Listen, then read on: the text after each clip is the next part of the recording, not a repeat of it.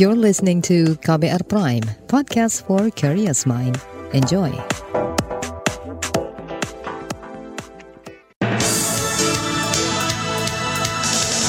Saudara, selamat pagi. Senang sekali kami menjumpai Anda melalui program Buletin Pagi edisi Senin 6 Juni 2022 bersama saya Roni Sitanggang. Sejumlah informasi pilihan telah kami siapkan di antaranya. DPR janji penuhi keterwakilan 30 persen perempuan di keanggotaan Dewan Kehormatan Penyelenggara Pemilu. Tarif baru naik ke Candi Borobudur dinilai terlalu mahal. Lima embarkasi sudah memberangkatkan hampir 6.000 jemaah haji. Inilah Buletin Pagi selengkapnya. Terbaru di Buletin Pagi. Saudara masa tugas Dewan Kehormatan Penyelenggara Pemilu DKPP periode 2017-2022 akan berakhir 12 Juni nanti. Selain itu, Undang-Undang tentang Pemilihan Pemilu memang mengatur DKPP dibentuk paling lambat dua bulan sejak anggota KPU dan Bawaslu mengucapkan sumpah atau janji. Komposisi keanggotaan DKPP adalah dua anggota usulan dari pemerintah dan tiga usulan dari KPU dan Bawaslu. Di dua periode sebelumnya, jumlah perempuan anggota DKPP hanya satu orang. Bekas anggota DKPP periode lalu, Valina Singka Subekti, mendorong pembentukan DKPP berlangsung transparan. Kriteria tujuh anggota DKPP yang bebas dari konflik kepentingan harus sangat diperhatikan, termasuk keterwakilan perempuan minimal 30 persen atau dua orang saya berharap kali ini benar-benar uh, itu bisa diperhatikan mengenai kota gender itu ya, yang 30% itu ya. Kalau waktu zaman saya 2012, 2017, itu kan pertama kali ya, jadi memang belum ada contohnya ya. Jadi stok kita banyak, bisa dilihat, dan kota gender 30% itu mudah-mudahan ya Pak San ya. Bekas anggota DKPP Valina Singka Subekti menambahkan, idealnya formasi keanggotaan DKPP adalah empat laki-laki dan tiga perempuan. Di lain pihak, Wakil Ketua Komisi Bidang Pemerintahan DPR, Saan Mustafa, berjanji akan mengakomodir usulan agar kuota 30 persen perempuan pada keanggotaan DKPP bisa terwujud. Kata dia, DPR akan menyaring dan mengusulkan nama-nama yang memiliki kapasitas, kapabilitas, serta memperhatikan kesetaraan gender kita berharap bahwa saya akan berusaha agar apa yang diusulkan oleh MPI ini bisa terakomodir ada di lembaga DKPP. Jadi kalau misalnya dua periode ini dari unsur DPR tidak ada perempuannya, mudah-mudahan di DKPP periode ini ada unsur dari perempuan. Dan saya juga berharap dari pemerintah juga ada unsur perempuannya, sehingga unsur perempuan di DKPP itu bisa lebih dari satu. Dan ini penting. Wakil Ketua Komisi Bidang Pemerintahan DPR Saan Mustafa menuturkan, tujuan memilih perempuan sebagai anggota DKPP periode ini bukan semata untuk memenuhi kuota 30 persen, tapi lebih dari itu melibatkan perempuan di semua lembaga yang berkaitan dengan politik. Sementara itu Koalisi Maju Perempuan Indonesia MPI meminta proses pemilihan DKPP berlangsung transparan. Dewan Kehormatan Penyelenggara Pemilu Anggota Koalisi Kairunisa Agustiati menyatakan koalisi ingin memastikan terpenuhinya keterwakilan 30 persen anggota perempuan di DKPP. Nah, karena DKPP merupakan uh, institusi yang sentral ya dalam mengawal integritas dan kredibilitas uh, penyelenggara pemilu, maka MPI merasa penting untuk uh, memastikan proses pemilihan anggota DKPP ini dilakukan secara transparan dan terbuka termasuk juga mengawal uh, terkait dengan keterwakilan 30% perempuan. Itu tadi anggota Koalisi Maju Perempuan Indonesia MPI yang juga Direktur Eksekutif Perludem Koirunisa Agustiati. Sementara itu, Wakil Direktur Pusat Kajian Politik Universitas Indonesia Puskapol UI, Huriah, mengatakan regulasi keterwakilan perempuan dalam pemilihan keanggotaan lembaga penyelenggara pemilu masih bersifat normatif – sehingga regulasi tersebut tidak bisa memaksa pembuat kebijakan untuk mewujudkan penetapan 30% keterwakilan perempuan. Seringkali regulasi ini dijadikan sebagai alasan. Contoh misalnya, karena regulasi e, baru mengatur sebatas 30% kuota perempuan, ya maka kadang-kadang pembuat kebijakan menjadikan angka 30% itu justru menjadi angka yang sangat maksimal. Itu kan menjadi uh, persoalan sebenarnya gitu ya, bagaimana cara pandang pembuat kebijakan terhadap regulasi. Wakil Direktur Puskapol UI Huriah menambahkan, dalam hal penetapan keterwakilan perempuan, sering kali muncul benturan regulasi. Akibatnya justru regulasi itulah yang dijadikan alasan untuk semakin tidak menetapkan keterwakilan perempuan di keanggotaan penyelenggara pemilu. Saudara informasi soal tarif baru naik ke Candi Borobudur yang dinilai terlalu mahal akan kami hadirkan sesaat lagi. Tetaplah di Buletin Pagi KBR. You're listening to KBR Pride, podcast for curious mind. Enjoy!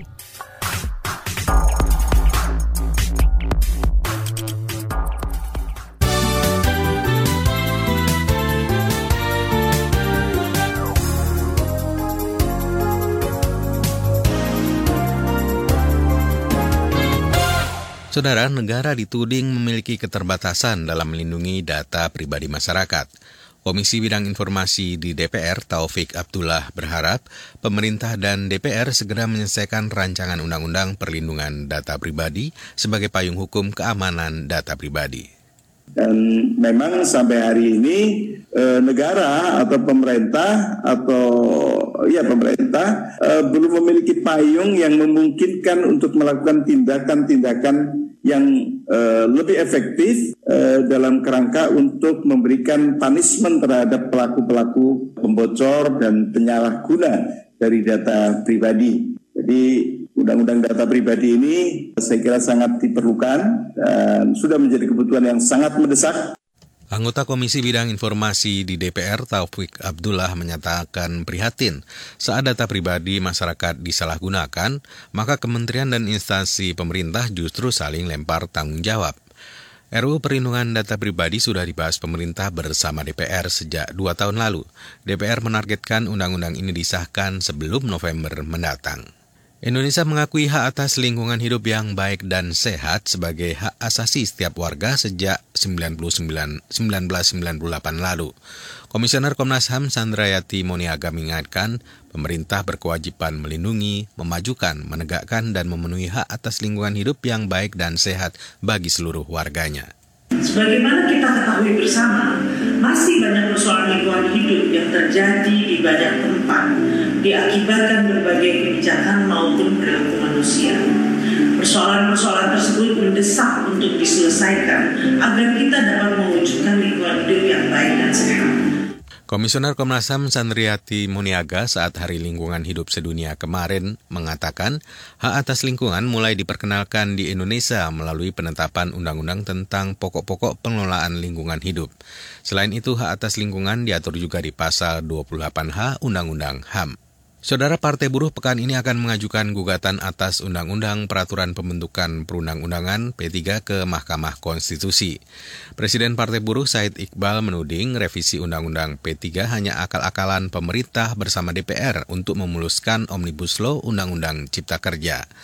Undang-Undang P3 berbahaya karena menghapus partisipasi publik dalam pembentukan undang-undang. Dan sudah dibentuk kuasa hukum yang dipimpin oleh Bang Said Salahuddin dan juga Bang Nasef untuk melakukan uji formil sekaligus uji material yang kami rencanakan minggu depan. Minggu depan sudah bisa dimasukkan ke Mahkamah Konstitusi. Presiden Partai Buruh Said Iqbal menambahkan partainya akan menggelar aksi menolak Undang-Undang PPP pada Rabu pekan depan. Aksi akan diikuti puluhan ribu buruh se-Indonesia. Sebelumnya revisi rancangan Undang-Undang Pembentukan Peraturan Perundang-undangan disahkan DPR menjadi undang-undang saat rapat paripurna 24 Mei lalu. Kita beralih ke berita ekonomi. Kebijakan pemerintah menaikkan harga tiket masuk ke Candi Borobudur menjadi 750 ribu per pengunjung domestik dinilai terlalu mahal. Ketua Generasi Pesona Indonesia Genpi Siti Kodijah juga menyebut penetapan tarif itu semena-mena dan minim sosialisasi hasil kajian. Uh, yang kita rawat ini adalah World Heritage sebetulnya. Jadi kalau kita padankan dengan uh, pelestarian, itu sebenarnya tidak ada kata mahal untuk pelestarian. Mm-hmm. Nah, dengan catatan ini adalah untuk konservasi. Tapi untuk mengakomodir masyarakat, inilah yang dibutuhkan solusi begitu. Saya rasa dengan 750 ribu banyak yang akan merasa terbebani, uh, keberatan, dan padahal mereka juga belum berkunjung ke Borobudur. Itu tadi Ketua Generasi Pesona Indonesia Genpi Siti Kodijah. Sebelumnya Menko Kemaritiman dan Investasi Luhut Binsar Panjaitan menyatakan harga tiket naik ke Candi Borobudur sejumlah Rp750.000 per pengunjung domestik. Sedangkan bagi warga negara asing dikenakan 1,4 juta rupiah. Sedangkan bagi pelajar harga tiketnya Rp5.000 per orang. Kata Luhut, kebijakan itu sesuai rekomendasi UNESCO dan para pakar demi melindungi fisik Borobudur. Sementara itu di tur utama Taman Wisata Candi Borobudur, Prambanan dan Ratu Boko, Edi Setiono menjelaskan harga tiket masuk hingga pelataran Borobudur masih tetap Rp50.000 per wisatawan Nusantara dan 25 dolar Amerika atau setara Rp360.000 untuk wisatawan asing. Sedangkan tiket untuk naik ke atas Borobudur harganya sesuai dengan yang disampaikan Menko Luhut. Kita ke berita mancanegara. Pesawat luar angkasa Setsao 14 kemarin meluncur dari pusat peluncuran satelit Cikuan di Gurun Gobi, Provinsi Gansu, Cina dengan membawa tiga astronot. Setelah terbang 10 menit, pesawat ruang angkasa itu terpisah dari roketnya dan memasuki orbit dengan selamat. Ketiga astronot yaitu Chen Dong, Liu Yang, dan Chai Hunse akan menjalankan misi konstruksi laboratorium ruang angkasa Cina selama enam bulan. Bagi Chen dan Liu, misi keluar angkasa itu merupakan yang kedua kalinya. Chen yang kini berusia 44 tahun pernah mengawaki Shenzhou 11 pada enam tahun lalu. Sedangkan Liu, astronot perempuan yang berusia 44 tahun itu, tercatat pernah menjalankan misi luar angkasa bernama Shenzhou 9 pada 10 tahun lalu. Hanya Chai yang baru pertama kali menjalankan misi luar angkasa. Kita ke berita olahraga. Kita ke turnamen sepak bola Tolon Cup 2022 di Prancis. Tim nasional Indonesia U19 kalah 0-2 dari timnas Meksiko U23 di laga pamungkas Grup B Taulan Cup 2022 pada dini hari tadi. Dengan kekalahan itu maka perjalanan skuad Garuda Nusantara di Taulan Cup 2022 berakhir. Timnas Indonesia U19 gagal melaju ke semifinal lantaran mengakhiri grup B di urutan ketiga. Sementara Meksiko U23 yang menang dan bertengker di peringkat kedua masih memiliki untuk bisa lolos ke semifinal dengan mengincar runner-up terbaik dari tiga grup Taulan Cup 2022. Pada laga lainnya masih di grup B, Venezuela mengalahkan Ghana lewat adu penalti 4-2. Sebelumnya kedua tim bermain imbang satu-satu di waktu normal.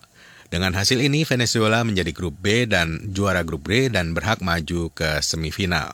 Masih dari informasi olahraga, Turnamen Indonesia Master besok akan dimulai hingga 12 Juni mendatang di Istora Senayan, Jakarta. Kehadiran jumlah penonton masih dibatasi 70% dari kapasitas total.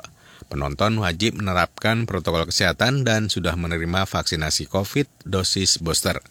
Ketua Harian PP PBSI Alex Tirta mengatakan Indonesia Master diikuti 273 pemain dari 28 negara. Indonesia menurunkan 53 pemain. Sejumlah pebulu tangkis top dunia sudah siap hadir. Dari tuan rumah, ganda putra The Minions dipastikan ikut serta. Markus Gideon yang sudah pulih dari operasi kaki juga akan kembali tampil bersama Kevin Sanjaya. Saudara di bagian berikutnya kami hadirkan saga bagian pertama tentang perjuangan amani hidup bersama gangguan mental. Tetaplah di Buletin Pagi KBR. You're listening to KBR Pride, podcast for curious mind. Enjoy!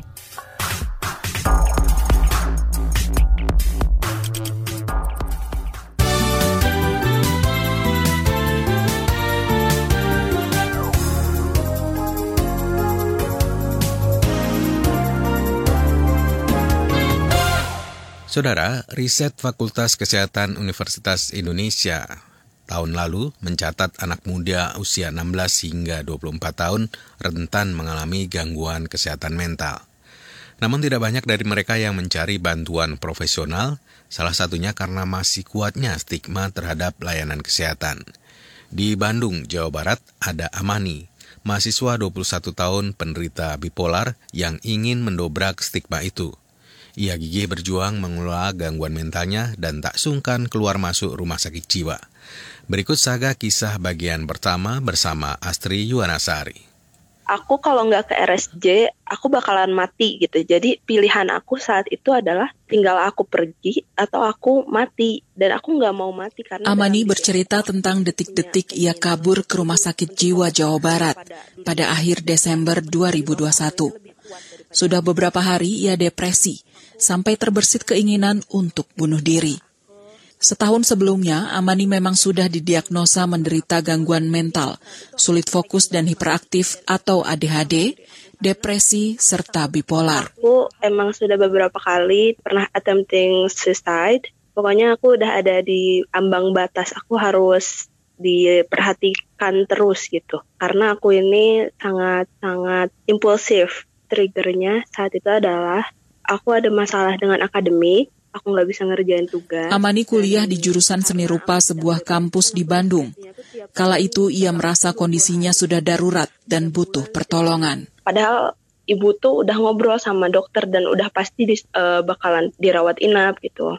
Di situ pikiran aku jahat sih. Aku ngerasa kayak ibu aku nih pasti malu deh kalau anaknya ke RSJ. Jelang tengah malam, Amani nekat ke rumah sakit jiwa sendirian.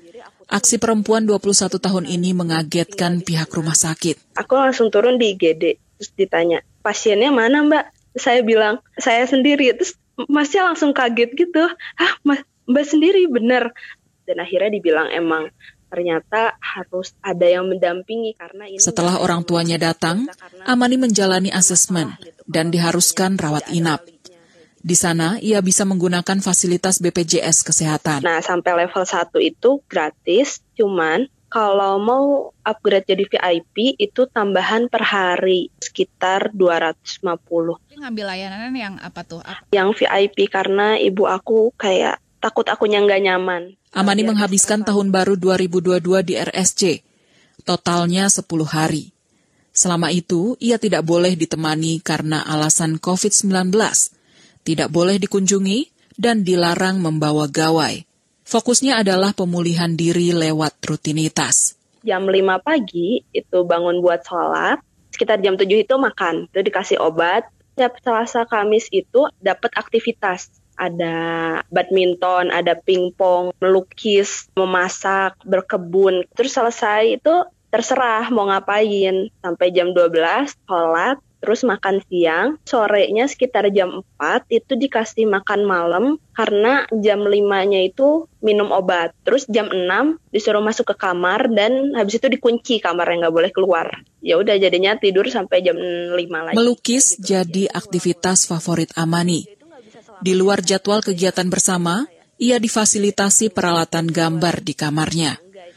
Selama dirawat di sana, Amani menyadari banyak stigma keliru tentang RSJ penanganannya pun profesional. Uh, setiap dokternya datang kayak seminggu dua kali itu ada konseling, mempertanyakan kayak progresnya gimana dan mencari tahu eh, sumber masalahnya apa biar nanti setelah keluar masalah itu nggak balik lagi. Amani punya banyak teman. Kerinduan terhadap keluarga dan sahabat-sahabatnya jadi sedikit terobati. Sebenarnya orang-orang di RSJ itu nggak nggak nyeremin tapi lucu-lucu gitu. Aku nemu orang-orang yang ada waham jadi dia merasa dianya itu sultan di situ tuh sebenarnya orangnya rame-rame walaupun kadang ada yang nggak nyambung diajak bicara tapi asik-asik aja gitu buat diajak ngobrol. Selepas dari rumah sakit, Amani merasakan berbagai dampak positif, lebih mengenali penyakitnya dan cara mengelolanya. Ia kini paham saban bulan bakal mengalami fase manik. Jadi hipomanik itu kan aku bahagia banget, terus impulsif. Aku bisa jajan, aku pernah ngabisin satu juta cuman berapa hari gitu. Iya kayak I'm Fase ini berlangsung sekitar empat hari. Kemudian beralih ke fase depresi selama 20 hari. Amani menerapkan rutinitas di RSJ untuk mengelola gangguan bipolarnya, seperti beraktivitas fisik, menggambar dan menulis. Ia juga disiplin berobat ke psikiater dan konsultasi ke psikolog. Semua ini dilalui Amani dengan dukungan penuh dari keluarga. Pokoknya kalau aku habis relapse, mereka jagain aku. Kalau misalnya aku sedih, aku cuman minta peluk, udah gitu aja. Iya, mereka jadi tahu banget dan ya walaupun masih nggak bisa dan nggak ngerti cara manage-nya, tapi mereka berusaha buat belajar dan lebih baik lagi. Amani ingin lebih banyak orang melek tentang kesehatan mental, dan ia menemukan cara untuk berbagi pengalaman. Seperti apa? Simak kisahnya esok. Demikian laporan khas KBR, saya Astri Yuwanasari. Saudara informasi dari berbagai daerah akan kami hadirkan usai jeda berikut ini. You're listening to KBR Pride, podcast for curious mind. Enjoy!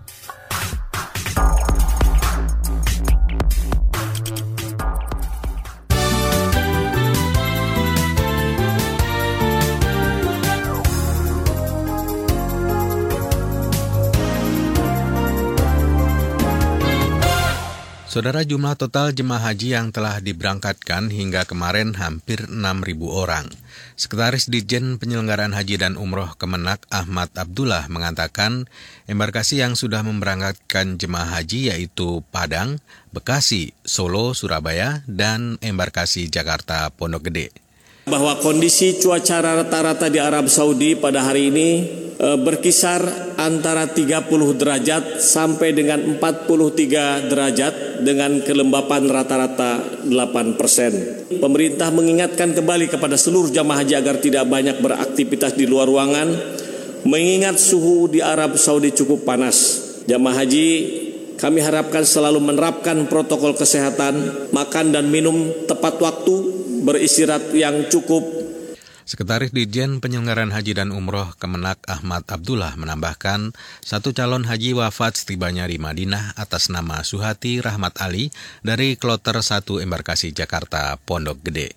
Kita ke Jawa Tengah. Penyakit mulut dan kuku makin mewabah di Rembang. Gebok di Dusun Gobok, Desa Gunung Sari, Kecamatan Kaliori misalnya, puluhan sapi diduga terinfeksi dan sudah tujuh ekor sapi yang mati. Masyarakat peternak di Dusun Gobok, Desa Gunung Sari, Kecamatan Kaliori, Kabupaten Rembang, Jawa Tengah, melakukan langkah-langkah cepat untuk mengantisipasi penyebaran penyakit mulut dan kuku atau PMK pada ternak sapi. Kemis, Kepala Desa Gunung Sari, Kecamatan Kaliori, yang kebetulan tinggal di Dusun Gobok, mengatakan, saat ini di kampungnya sudah ada tujuh ekor sapi mati. Kemis menduga penyakit mulut dan kuku masuk ke Dusun Gobok setelah ada warganya membeli ternak sapi dari Jatirogo, Kabupaten Tuban, Jawa Timur. Nah, menurut hitungan saya, itu nak 50 sampai 60 mungkin ada.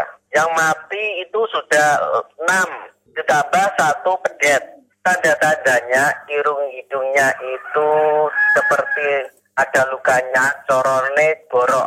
Luka seperti sariawan, businya juga seperti sariawan, kukunya itu bengkak.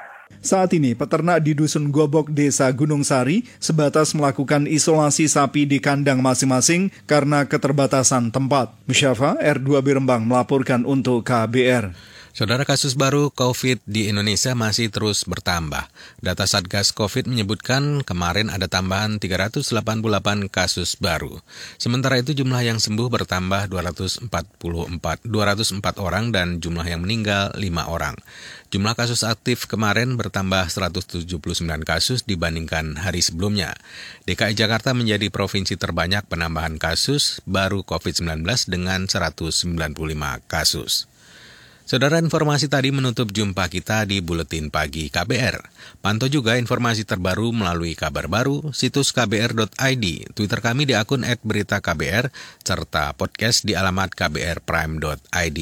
Akhirnya saya, Roni Sitanggang bersama tim yang bertugas undur diri. Salam.